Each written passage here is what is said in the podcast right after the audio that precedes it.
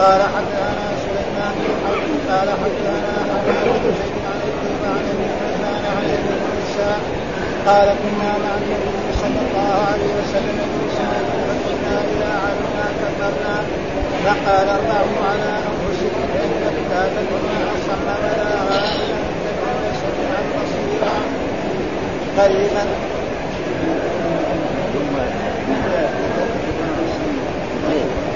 إيه في قريبا كمان. إيه في قريبا عندنا. سميعا بصيرا قريبا. سميعا بصيرا قريبا ما أتى علي وأنا أقول بنفسي لا حول ولا قوة إلا بالله. فقال لي يا عبد الله بن قيس قل لا حول ولا قوة إلا بالله فإنها كنز من كنوز الجنة. أو قال ألا أدلك قال حدثنا يحيى بن سليمان قال وابي قال أخبرني عمرو عن يزيد عن أبي الخير سمع عبد الله بن عمرو أن أبا بكر الصديق رضي الله عنه قال للنبي صلى الله عليه وسلم يا رسول الله علمني دعاء ندعو به في صلاتي قال قل اللهم إني ظلمت نفسي ظلما كثيرا فلا اغفر الذنوب الا اغفر لي من عندك مغفرة إنك أنت الغفور الرحيم. قال حدثنا عبد الله بن موسى قال أخبرني قال أخبرني عن ابن شهاب قال حدثني عروة أن عائشة أن عائشة رضي الله عنها حدثته قال النبي صلى الله عليه وسلم جبريل عليه السلام ناداني قال إن الله قد سمع قول قولك وما رده عليه. باب قول الله تعالى قل هو القاتل. قال حدثني إبراهيم قال حدثنا وعيسى قال حدثني عبد الرحمن قال سمعت محمد بن المنكدر يحدث عن الله بن الحسن يقول أخبرني جابر بن عبد الله السلمي قال كان رسول الله صلى الله عليه وسلم يعلم أصحابه الاستخاره كلها كما يعلم السورة من القرآن. يقول إذا هم احدكم بالامر فليركع ركعتين من غير الفريضه اللهم إني أستغفرك بذكرك وأستغفرك بقدرتك واشهدك بحمدك. فإنك تقدر ولا أقدر اعلم وانت علام الغيوب اللهم فان كنت تعلم اللهم فان كنت تعلم هذا الأمر انك تسمي بعينه خيرا من بعالم امين قال أو والعاشر وعاقبة أمري. فاقدره لي ويسره لي كذلك. اللهم ان كنت تعلم أنه شر لي والعاشر وعاقبة أمري. أو قال في عاجله واجله واصرفني عنه واغفر لي الخير حيث كان. ثم ردني به باب مقلب القلوب وقول الله تعالى ونقلب افئده والأبصار قال حدثنا سعيد بن سليمان عن ابن مبارك عن يوسف بن عقبه عن سالم عن عبد الله قال أكثر ما كان النبي صلى الله عليه وسلم يحلف باب مقلب القلوب باب أن لله مئة اسم إلا واحدا قال ابن عباس قال حدثنا أبو اليمان قال أخبرنا شعيب قال حدثنا ابو الزناد عن العرب عن ابي هريره ان رسول الله صلى الله عليه وسلم قال ان لله تسعة وتسعين اسما مئة الا واحدا من أحصاها دخل الجنة. أحصيناه وحفظناه أعوذ بالله من الشيطان الرجيم. بسم الله الرحمن الرحيم. الحمد لله رب العالمين. والصلاة والسلام على سيدنا ونبينا محمد وعلى آله وصحبه وسلم أجمعين. قال الإمام الحافظ باب وكان الله سميعا بصيرا. يقول هذا باب مبتدا وخبر بعدين وكان الله سميعا بصيرا. والآية إن الله يأمركم أن تؤدوا الأمانات إلى أهلها وإذا حكمتم بين الناس أن تحكموا بالعدل إن الله كان سميعا بصيرا. الآية في سورة النساء وقال إن الله كان سميعا بصيرا. ف... فهذه الآية ليش أتى بهذا الباب؟ الإمام البخاري ليرد على الجهمية وعلى المعتزلة. المعتزلة يقول سميعا بصيرا بمعنى عليم. لأن الله لا يوصف بالصفة التي يوصف بها المخلوق يوصف بالسمع ويوصف بالبصر. والله لا فإذا هذه التي هذه كلها يقول معناها عليم. فلأجل ذلك أراد الإمام البخاري. والجهمية ينكر كل صفة يمكن يوصف بها المخلوق لا يوصف بها الله. ها؟ فلا يوصف إلا مثلا أنه يعني قادر أو أنه لا يسمع غير ذلك يعني صفات قليلة. ها؟ الحي الذي لا يموت مثل هذه الأشياء. وأما الباقي لا وأما الملك والسميع والبصير وله وجه وله يدان هذا لا يوصف بها الله. وهذا غلط. فهذه الآية للرد على المعتزلة وكان الله سميعا بصيرا. ها؟ كان الله سميعا بصيرا. فهم قالوا معنى كان الله عليما عليما.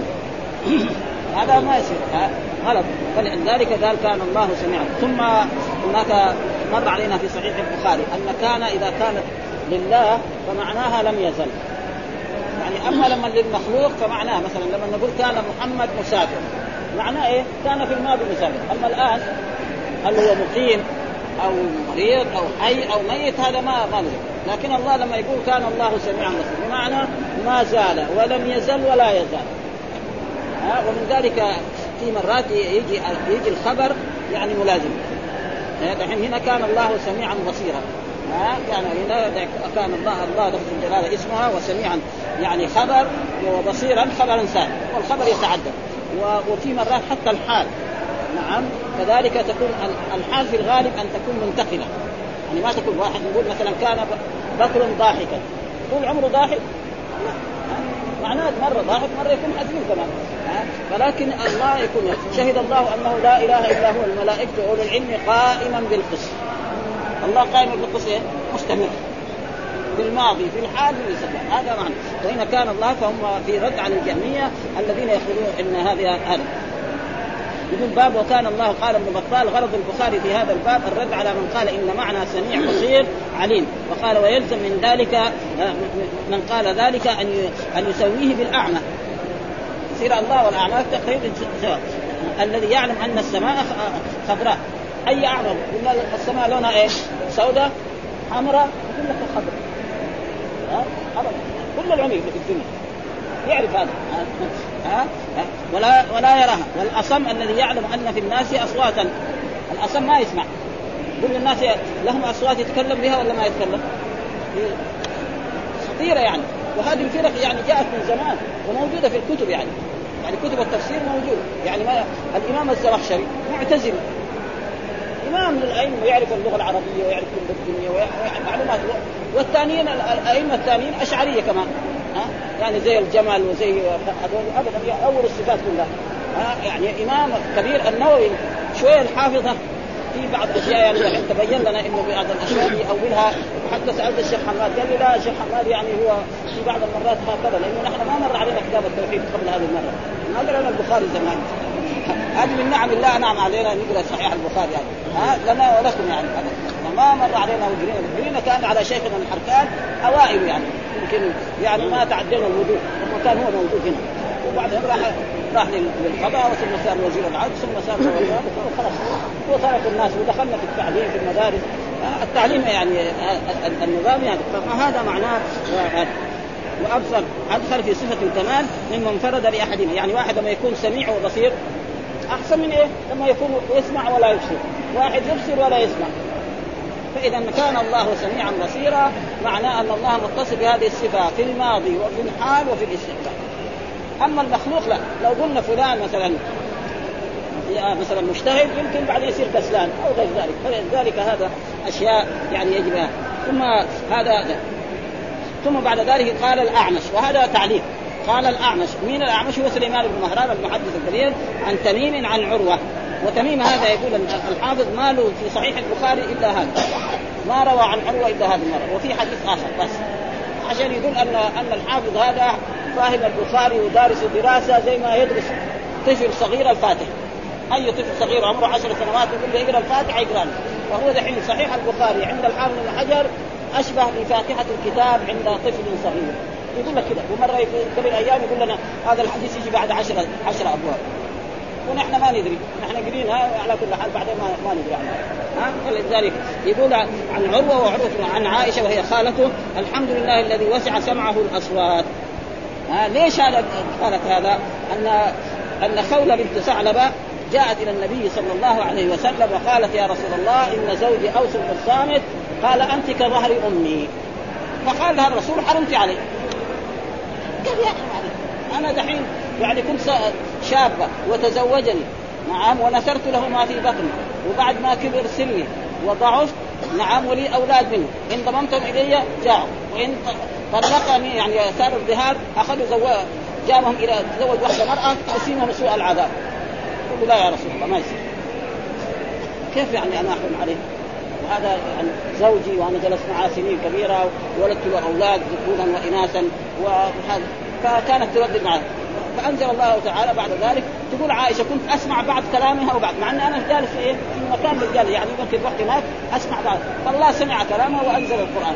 لقد سمع الله قول التي تجادلك في زوجها وتشتكي إلى الله والله يسمع تحاوركم يعني لا يا رسول الله لا تقول إني حرم ذلك ناس الذين يظاهرون النساء ما هن أمهاتهم من أمهاتهم الا الله ولدنا وهم يقول المنكر من القول وزورا وإن الله لعفو غفور والذين يظاهرون من النساء ثم يعودون لما قالوا فتحل رقبة قبل أن يتماسى ذلكم توعظون به والله ما فمن لم يجد فصيام شهرين متتابعين من قبل أن يتماسى ومن لم يستطع فإطعام ستين مسكينا ذلك لتؤمنوا بالله ورسوله تلك حدود الله وللكافرين. نزل أه؟ سمع وهذه كلمة سمع كمان موجودة في القرآن بالماضي. نعم وبالمضارع. وبالسميع الذي هو عليم. أمثلة المبالغة ليس كمثله شيء وهو السميع البصير. هنا سمع الله قول لقد سمع الله قول الذين قالوا إن الله ونحن أغنياء. وهناك يعني يسمع تحاوركم بالماضي بالمضارع إيش؟ فإذا هذا يجب إثبات الصفات. ولكن الفرق الإسلامية يعني الزمخشري إمام العلم ولكن كتبه هذه يعني صعب. حتى انه لما ألف كتابه قال مثلا الحمد لله الذي خلق القرآن. قالوا له بعدين ما حد يقرأ كتابه ثانية يعني زي العلماء يصيروا عفاريت كمان. ها؟ يقول كتب إيه؟ الحمد لله الذي نعم يعني جعل القرآن. جعل تارة تكون بمعنى خلق. هذه عبرة العلماء. جعل تكون معنى صغيره مرات ومرات تكون من ذلك الحمد لله الذي خلق السماوات والأرض وجعل الظلمات والنور، إيش معنى جعل الظلمات والنور؟ بمعنى خلق. أه؟ ولا بد فيها لأن ما عمري قراته ولا عمري طالعت فيها. يعني. أنا عارف انه يعني ليش؟ نخاف منه يعني.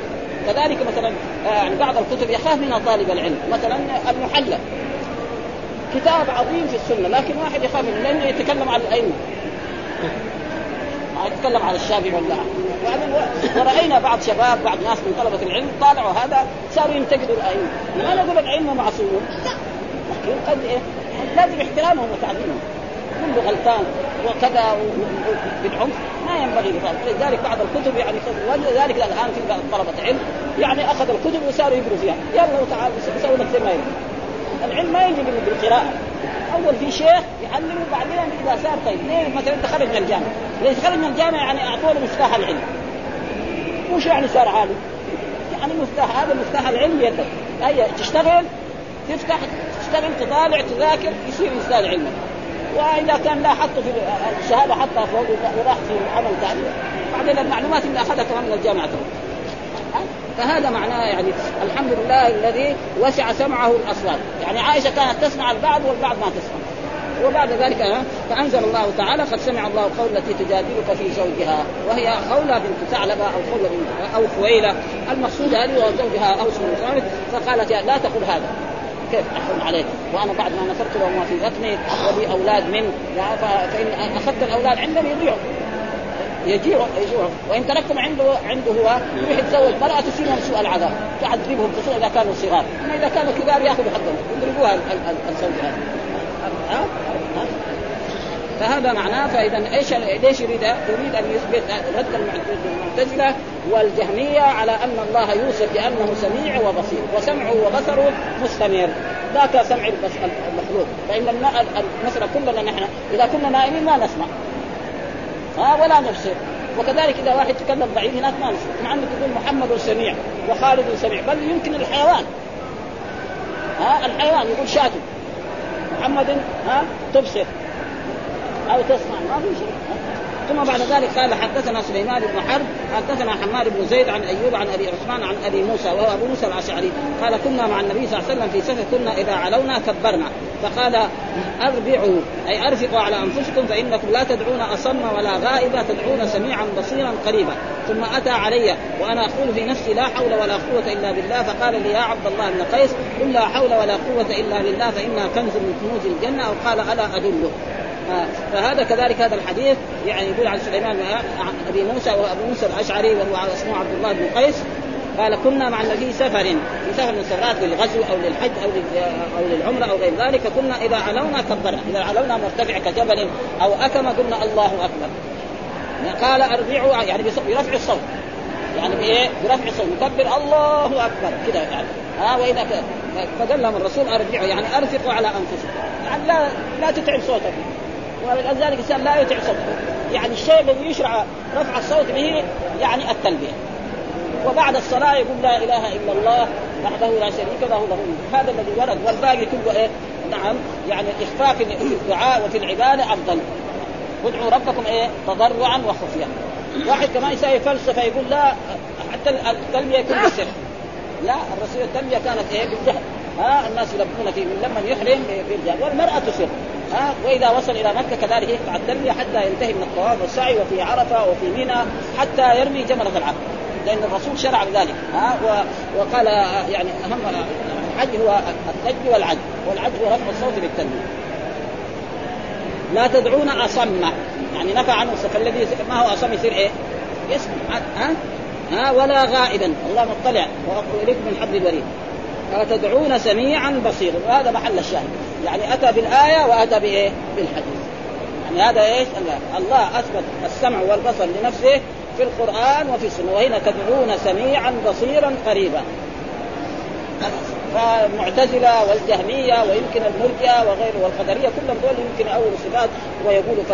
آه ثم أتى علي ثم أتى على أبي موسى الأشعري وأنا أقول في نفسي لا حول ولا قوة إلا بالله فقال لي يا عبد الله بن قيس قل لا حول ولا قوة فانها كنز من كنوز الجنة.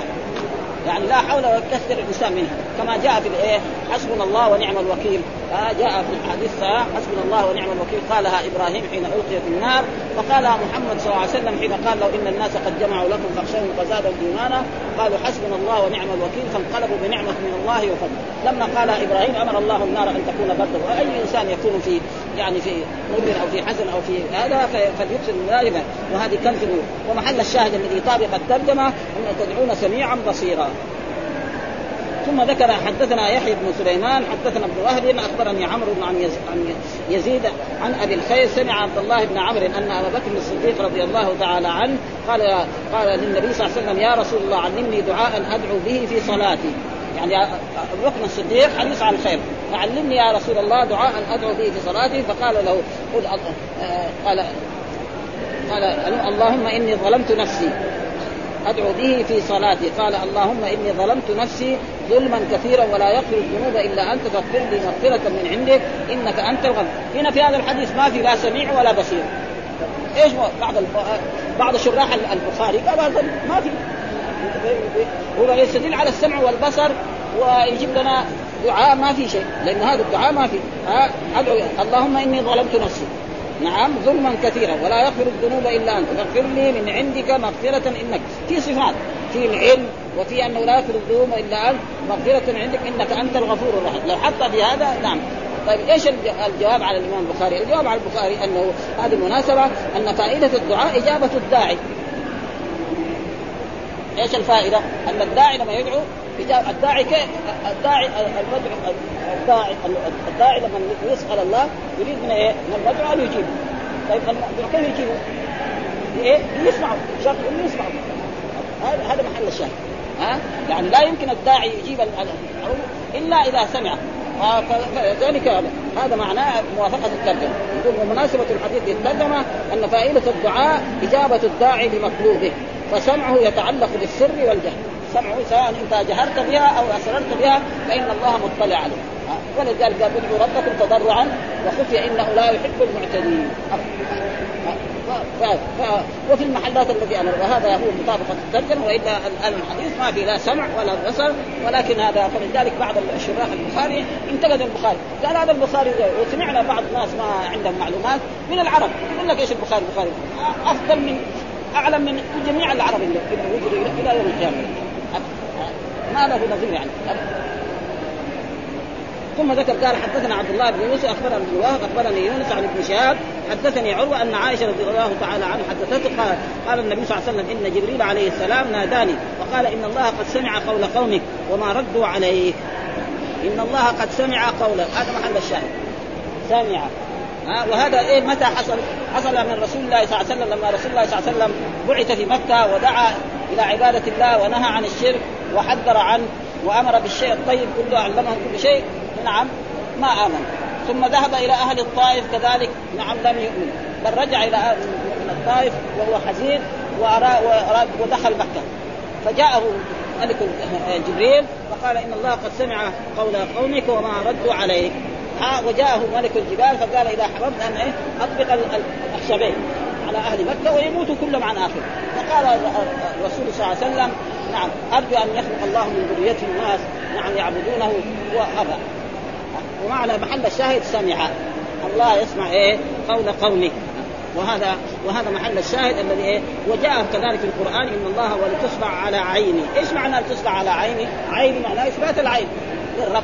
ها؟ آه يعني لتربى على عيني يعني تحت مرآية وتحت سمعي وتحت بصري. بل ذلك موسى فرعون كان خايف إنه إيه إنه قالوا له الكهنة وهذا إنه يعني ملكك هذا سيزول على يد يعني أحد من بني إسرائيل.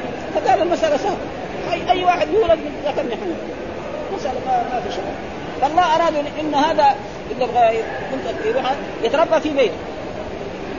يتربى في بيت في فرعون ويأكل من أكل فرعون الطعام. لأنه فرعون يقول أنا ربكم الان طعامه غير طعام المساكين والفقراء الغلبانين. ها ويتربى هناك وينشا هناك ويصير على أحسن. حتى انه في مرة من المرات يعني آه، أخذ لحيته يعني. قال هذا هو قالوا لا المسألة سهلة. أنت جيب جمره وحط تمرة. شوفي أي ما ياخذ معلومة الطفل إذا ما يعرف. الجمره يكل تساوي. حتى الفم هذا شوف هذا دليل على أنه ما يعرف لو كان يعرف شيء بده يصير ما ما يأخذ الجمرة يأخذ التمر. عشان الله يريده.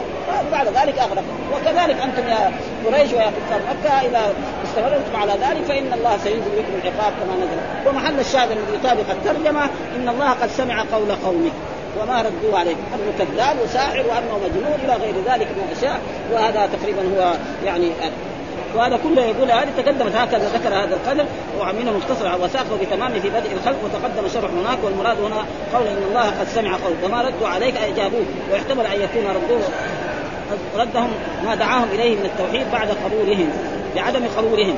وقال الكرمان المقصود من هؤلاء الأحاديث إثبات صفتي السمع والبصر وهما صفتان قديمتان من الصفات الذاتية وعند حدوث المسموع والمبصر يقع التعلق. وأما المعتزلة فقالوا إنه سميع يسمع كل مسموع ويبصر وبصر يبصر كل مبصر. فدعوا انهما فادعوا أنهما صفتان حادثتان. ها؟ وهذا غريب. ما في شيء لله حادث. كل أشياء وصفاته وافعاله نعم يعني قديم ثم ذكر باب قول الله تعالى قل هو القادر. قل هو القادر ها؟ وهذا معناه باب الاستدلال بقوله هو القادر، إيش القادر؟ معنى القوي.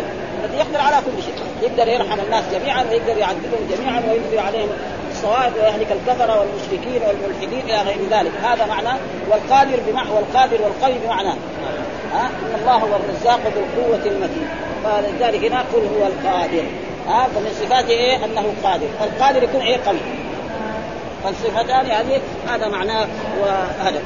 والقرآن هي الآية في سورة هذا وهو القادر على أن يبعث عليكم عذابا من فوقكم أو من تحت أرجلكم أو يلبسكم شيعا ويذيق بعضكم بعض بعض. هذه طلب اثنين الرسول استعاذ منها فما حصل. والثاني يذيق بعضكم بعض بعض هذا باهي على أن يبعث عليكم عذابا من فوق فاستعاذ الرسول. أو من تحت أرجلكم أو يلبسكم شيعا هذا باقي ما يحصل بين الأمة الإسلامية يعني. أو ما بين العرب. كما حصل في هذا الزمان الاخير ها اختلفوا يعني العرب وحتى يعني يمكن الجامعة الجامعة العربية راحت. خلاص. يعني اختلاف ما بعد اختلاف. وهذا الآية. طيب إيش الحديث الذي يثبت هذا؟ الحديث هذا الذي هو يعني حديث الاستخارة. وحديث الاستخاره معروف كل إنسان من طلبة العلم يعرفه أو من الناس العاديين. قال حدثنا إبراهيم بن المنذر حدثنا معمر بن عيسى حدثني عبد الرحمن بن أبي الموالي قال سمعت محمد بن المنكدر يحدث عبد الله بن الحسن يقول أخبرني جابر. عبد الله بن الحسن هذا ابن الحسن ابن ابن يعني علي بن أبي طالب. ويقول هذا كان أكبر إيه؟ العباد وكان صاحب دين وطاعة وهو من ذريه إيه؟ علي بن أبي طالب رضي الله تعالى عنه. يحدث عبد الله بن الحسن ابن علي ابن أبي طالب وكان عبد الله كبيرا كبير بني هاشم في وقته. وقال ابن سعد كان من العباد وله عارضة وهيئة وقال مسلم بن كان علماء المدينة يكرمون احدا ما يكرمون ما يكرمونه ووثقه ابن معين والنسائي وغيره وهو من صغار التابعين. فهو تقريبا هذا. أخبرني جابر وهو الصحابي. جابر بن عبد الله الأنصاري عبد الله السلمي. قال كان رسول الله صلى الله عليه وسلم يعلم أصحابه الاستخاره في الأمور كلها كما يعلم السورة من القرآن. يعني أي واحد يبغى يستغير يعلم الدعاء. هذا وهو هذا الدعاء. يعني رجل يبغى يتزوج يجي للرسول يعلمه. ما يحفظ الاستخاره يعلمه. يقول له اقرأها يقراها مرة أو مرتين يحفظها ثم يروح يصلي ركعتين ويقول هذا الدعاء. وكذلك إذا كان أراد يتزوج أو أراد أن يشارك إنسانا وهذا وهذا الدعاء إذا هم أحدكم بالأمر فليركع ركعتين من غير الفريضة يعني نافلة. آه لا يكون ظهر ولا عصر ولا مغرب ولا عشاء ثم يقول اللهم إني استخيرك بعلمك. يعني اطلبك بعلمك لأن الله موصول بعلم واستغفرك بقدرتك. وهذا محل الشاهد. محل الشاهد في الحديث الذي يطابق الترجمة واستغفرك بقدرتك. وقال قل هو القادر. ها آه ولا فرق بين إيه؟ اسم الفاعل والمصدر. كل واحد. وأسألك من فضلك فإنك تقدر ولا أقدر. تقدر برضو ولا أقدر. وتعلم ولا أعلم وأنت علام الغيوب. اللهم فإن كنت تعلم هذا الأمر هذا الزواج الزواج بفلانة بن فلان. نعم أو بمشاركة فلان ابن فلان. أو بسفر إلى بلد الفلانية أو غير ذلك. ها ثم يسميه بعينه هذا الزواج أو هذه المشاركة في عاجل أمري واجله عاجل أمري واجله قال أو في ديني ومعاشي وعاقبة أمري. فاخبره لي. يعني قدمه لي ويسره لي. ثم بارك لي فيه.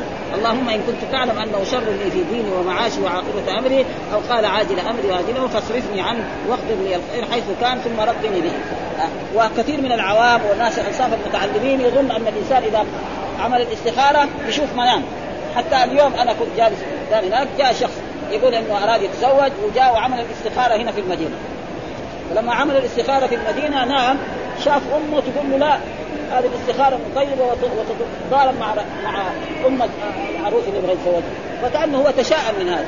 وجاي يسأل يعني طلبة العلم ويقول له جاء سألني. أنا قلت الرسول ما قال لازم يرى رؤيا ما في في الأحاديث أن الذي يستخير يرى رؤيا إنما الذي يستخير يشوف نفسه يعني تميل إلى أي؟ يصبر أسبوع. فإذا رأى نفسه انشرحت لهذا إن شاء الله فيه الخير. وإذا رأى نفسه انقبضت عن ذلك ليس فيه الخير أما كونه يرى وإذا رأى رؤيا صدفة هذا شيء آخر. فهذا الرجل يعني كان متشائم يقول إنه رأى أمه تتضارب مع العروس ومع هذه معنى. نحن قلنا له انت اصبر اسبوعا ثاني قال انت اليوم. هو جاي من بلده يعني عشان يسوي استخارة في المدينة. آه. كذا بهذا الطريق. والده عشان يسوي استخارة في المدينة يمكن في الروضة كمان سواها ولا شيء. ها ويقول لا لما رأى هذه الرؤيا تشاءم من هذا الموضوع. لا لا أنت لا تتشائم من هذا. أنت اصبر أسبوع. ها؟ فإذا صبرت أسبوع إن شاء الله يصلح لك الله يعني كيف هذا؟ ومحل الشاهد فانك تقدر ولا أقدر. هذا الذي يطابق الدرس الله يوصف بإيه؟ بأنه قدير وعلى كل شيء قدير. قد إيه في القرآن؟ ها؟ قدير. وهنا قادر. قدير أبلغ من قادر. اسم الفاعل دائما فعيل أبلغ. هذه من أمثلة المبالغة. فهذا محل الشاهد. والله يوصف بأنه قادر وبأنه قدير وبأنه قوي ذو القوه الله الرزاق ذو القوة المتين. ودائما القادر لازم يكون قوي. وهذا الدعاء يكون بعد بعد الصلاة بالنسبة لأذكار الصلاة والدعاء فيقول له بعد الفراغ وقبل السلام. طبعا هذا ما يعني ما ظهر. وقد تقدم سائر فوائده في كتاب الدعوات. هذا كل هذا الحديث كان يكون في كتاب الدعوات ونحن جايب له واحد ثم ذكر باب نقلب القلوب وقول الله تعالى ونقلب أفئدتهم وأبصارهم. مقلب القلوب. باب مقلب القلوب. يعني هذا باب مقلب القلوب. إيش مقلب؟ المعنى أن الله يتصرف في القلوب بما شاء. لا يمتنع عليه شيء. ولا تفوته إرادة. هذا معناه مقلب. يعني القلب الذي كان طائع خليه إيه؟ عاصي يخليه كافر. القلب الذي كان كافرا مشركا منافقا يصبح مسلما صالحا. فالقلوب بيد مين؟ بيد الرحمن يقلبها كيف لذلك كان الرسول إذا حلف يقول وهو مقلب القلوب ثبت قلبي على الإيمان ثبت قلبي على ديني فإذا كان الرسول يقول هذا وهو محفوظ من هذا فنحن من باب أولى واحرى وهذا تشريع من رسول الله صلى الله عليه وسلم لنا. وإلا الرسول ما يحتاج. كونه قلبه يعني لا يحصل فيه أي شيء ومع ذلك كان يقول هذا فهذا معناه ومقلب باب مقلب القلوب. ها؟ إيش معنى مقلب؟ أن الله يتصرف في القلوب بما شاء لا يمتنع عليه شيء ولا تفوته إرادة. وقول الله تعالى وكذلك باب الاستدلال بقول الله تعالى ونقلب أفئدتهم وأبصارهم. يعني نتصرف فيها بما شئنا. إيش معناه؟ نتصرف في هذه القلوب بما شئنا بما شاء الله سبحانه. فالقلب العاصي يخليه طائع والقلب المؤمن يخليه. وجاء في أحاديث ما يدل على ذلك إن أحدكم يعني يكون ما بينه وبين الجنة إلا ذراع فيسبق عليه الكتاب فيعمل بعمل أهل النار أو يعمل بعمل أهل الجنة. ولذلك ودائما كان الرسول مقلب القلوب ومصرف القلوب. ها صرف قلبي على طاعته ونقلب أفئدتهم وأبصارهم. نصرفها بما شئنا كما تقدم تقريره وقال المعتزلي معنى نطبع عليها ها؟ طبع الله على قلوبهم. وهذا غلط يعني. المعتزلة والمعتزله يعني معلوم إنهم يعني لهم يعني من الفرق الإسلامية. والرسول أخبر إن هذه الأمة ستفترق على 73 فرقة كلها في النار إلا واحد. فالجهمية والقدرية ولا ونحن على كل حال البعض منهم ما ما يمكن يكفر خصوصا الجهمية يمكن يعني. ولكن زي المعتزلة وزي الأشاعرة والماتريدية لا يجوز للإنسان أن يكفر لأنهم أرادوا الخير ولكن ما يعني أخطأوا. فالأشعرية مثلا وصفوا الله ب 20 صفة و الجهمية لا قالوا لا يوصف الله عندهم أشياء كثيرة يعني حتى القرآن يقول مخلوق القرآن. والناس يقولوا أن الدولة دولة العباسيين لما كان المأمون والخليفتان بعده هذول يعني العهد الذهبي. العهد الصفري لأنه جابوا مصيبة لا يزال شرها إلى الآن موجودة. كثير من كتب التفسير كده.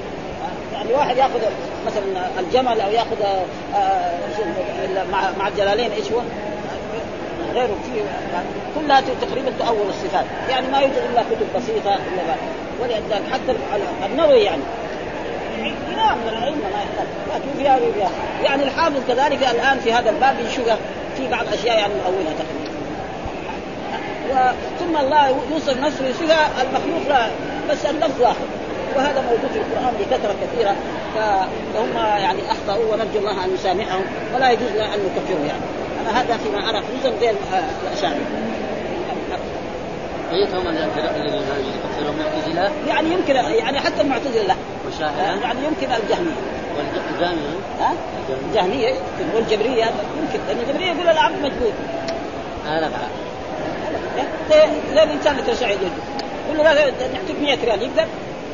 ما يقدر فاذا راح المسجد رب الله المسجد واذا راح للخماره وراح زنى الله وداه لا يعاقب ولا يعاقب هذا كلام كلام بعدين القران ذا كله إيش يسوي؟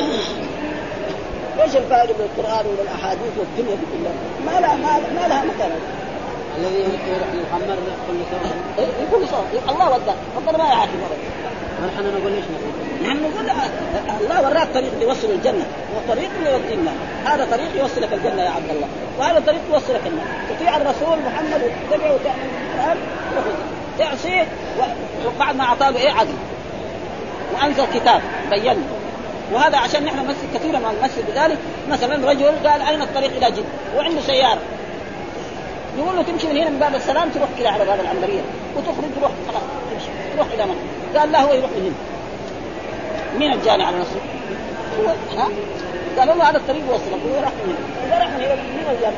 عنده عدل وعنده هذا فلذلك ما, يعني وهنا قال قال المعتزلة معناه نطبع فلا يؤمنون والطبع عندهم الترك والمعنى على هذا تركهم وما اختاروا لأنفسهم وليس هذا معنى التقليد في لغة العرب ولان الله تمدح بالانفراد بذلك ولا مشاركة له فيه فلا يصح تفسير الطبع للترك فالطبع عند أهل السنة خلق الكفر في قلب الكافر إيش الطبع؟ طبع على قلوبهم. فهم لا كثير ايات القرآن بهذا المعنى. واستمراره عليه إلى ان يموت معنى الحديث أن الله يتصرف في قلوب عباده ما شاء لا يمتنع عليه شيء منها ولا تفوت إلى وقال البيضاوي في نسبة تقلب القلوب إلى الله إشعار بأنه يتولى قلوب عباده ولا يكلها إلى أحد من خلقه. وفي دعائه صلى الله عليه وسلم يا مقلب القلوب ثبت قلبي على دينك.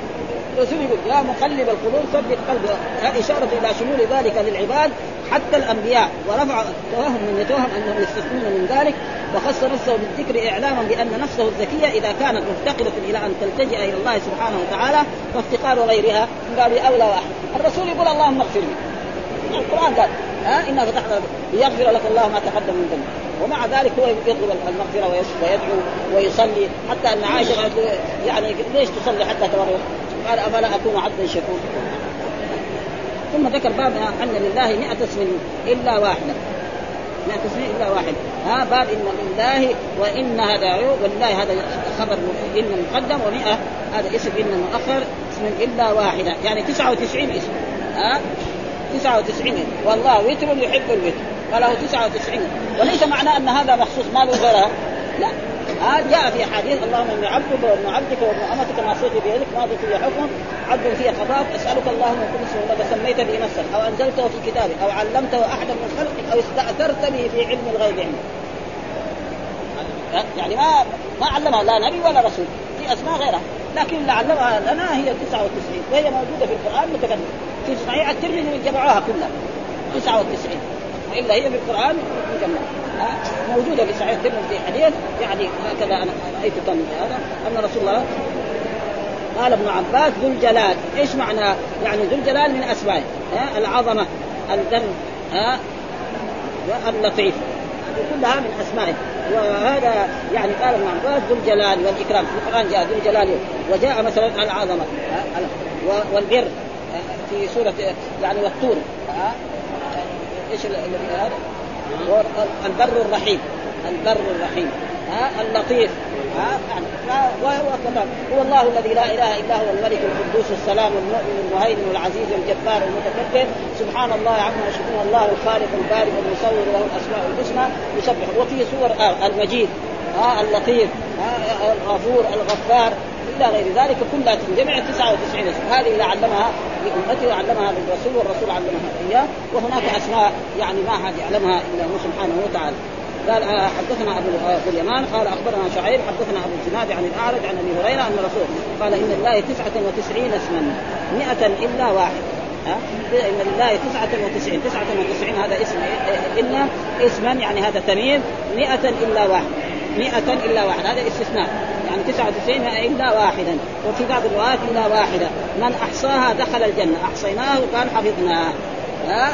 يعني إيش معنى أحصيناه؟ بمعنى العمل بها. ها؟ مو معنى يحفظها. يروح يحفظ 99 اسمه يقعد يكررها كما يفعل كثير من الاعاجم وكثير من من العوام. يقعد يقرأها ذكر يعني. فلما يقرأها. يقول لا إله إلا الله.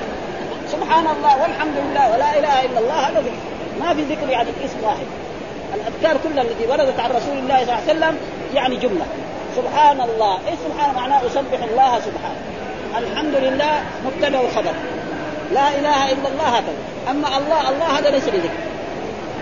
وهذا موجود في كثير من البلدان. الله الله. حتى في الآخر بعدين لما يدخل يقول هو هو هو. ها؟ ها؟ لا يعني حقيقة. هو ضمير فصل ضمير والشيطان ليش هو حريص. ويدور إيه؟ الناس يضلهم بأي طريقة؟ عدو هذا. إن الشيطان لكم عدو فاتخذوه لو واحد مثلا حاكم جاء جاء إنسان اسمه محمد ولا اسمه زيد وقاعد يكتب له باسمه خمس مرات عشر مرات اما يضربه ولا يخرجوه إذا كان الحاكم ده يعني ما عنده حماقة يقول امسكوا هذا خبل هذا خبل مجنون ده عشان بيكرر اسمه. لابد الذكر يكون إيه جملة. ها؟ سبحان الله الحمد لله. قال سبحان الله والحمد لله تملا الميزان. ما في ولكن مع ذلك في بعض البلاد بل بعض البلاد كمان الطرق موسيقى يعني. في طبل يعني.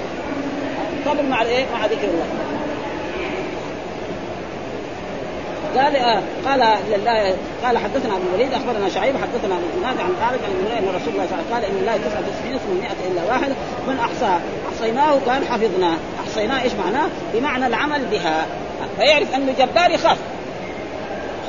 يعرف غفور يرجع إليه ويكتب آه يعرف مثلا آه أنه عليم نعم يطلب العلم يعني وهكذا كل اسم يعني يعطيه. يعرف أنه بر يستغيث به ويلتجئ إليه في الشدائد. قال في حديث أن الله 99 وقد تقدم شرحه في كتاب الدعوات وبيان ما رواه في الدرس المذكور في هذه الترجمة وقع هنا في 100 إلا واحدا من التذكير و100 و100 في الحديث بدلا من قوله 99 فعدل الترجمه من البدل إلى المبدل وهو فصيح. ويستفاد منه زيادة توضيح لأنه ولأن ذكر العقد أعلى من ذكر الكسور. دائما يعني ذكر العدد أعلى. 100 بعدين يقول إلا واحد. ولذلك تجد بعض المرات شخص يقول مثلا آه فلان يعني مثلا الرسول صلى الله عليه وسلم جلس في مكة في عام الفتح يعني صلى 17 آه 17 يوما أو 18 يوما. فيقول إيه الكسر يضم يضم الكسر. وبعضهم مثلا ينقص مثلا 17 17 شهر وخمسة أشهر يقول إيه 17 بس ويخلي الله بعضنا لما يكون 17 شهرا وخمسة يخليها 18 موجود هذا في الأحاديث كذا مثلا جلس الرسول في تبوك كم يقولوا مثلا 18 يوما. لما نجي وصلى مثلا في المدينة يعني يستقبل آه، بيت المقدس 17 شهرا. في رواية 18 شهر ليه عشان إيه؟ الكسرة. بعضهم يضم والبعض منهم إيه؟ لا يضم. ولذلك هذا مع مع ما يحضر وجبر الكسر بقوله 100 ثم اريد التعفف بالعدد واستثنى ولم يستثني لك ولو لم يستثني لكان استعمالا غريبا سائغا. قال ابن عباس ذو الجلال العظمه إيش معنى ذو الجلال؟ العظمة. وفي روايه العظيم. يعني إيش معنى ذو الجلال؟ العظمة. صاحب العظمة أو العظيم. وعلى الأول فيه تفسير تفسير الجلال بالعظمة وعلى الثاني هو تفسير ذو الجلال. البر ها اللطيف هو تفسير ابن عباس. اي وقد تقدم الكلام عليه وبيان من وصله عنه في تفسير سورة الطور.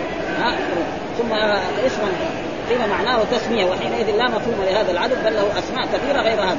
أحصيناه حفظناه تقدم الكلام عليه وعلى معنى الإحصاء وبيان الاختلاف فيه في كتاب الدعوات.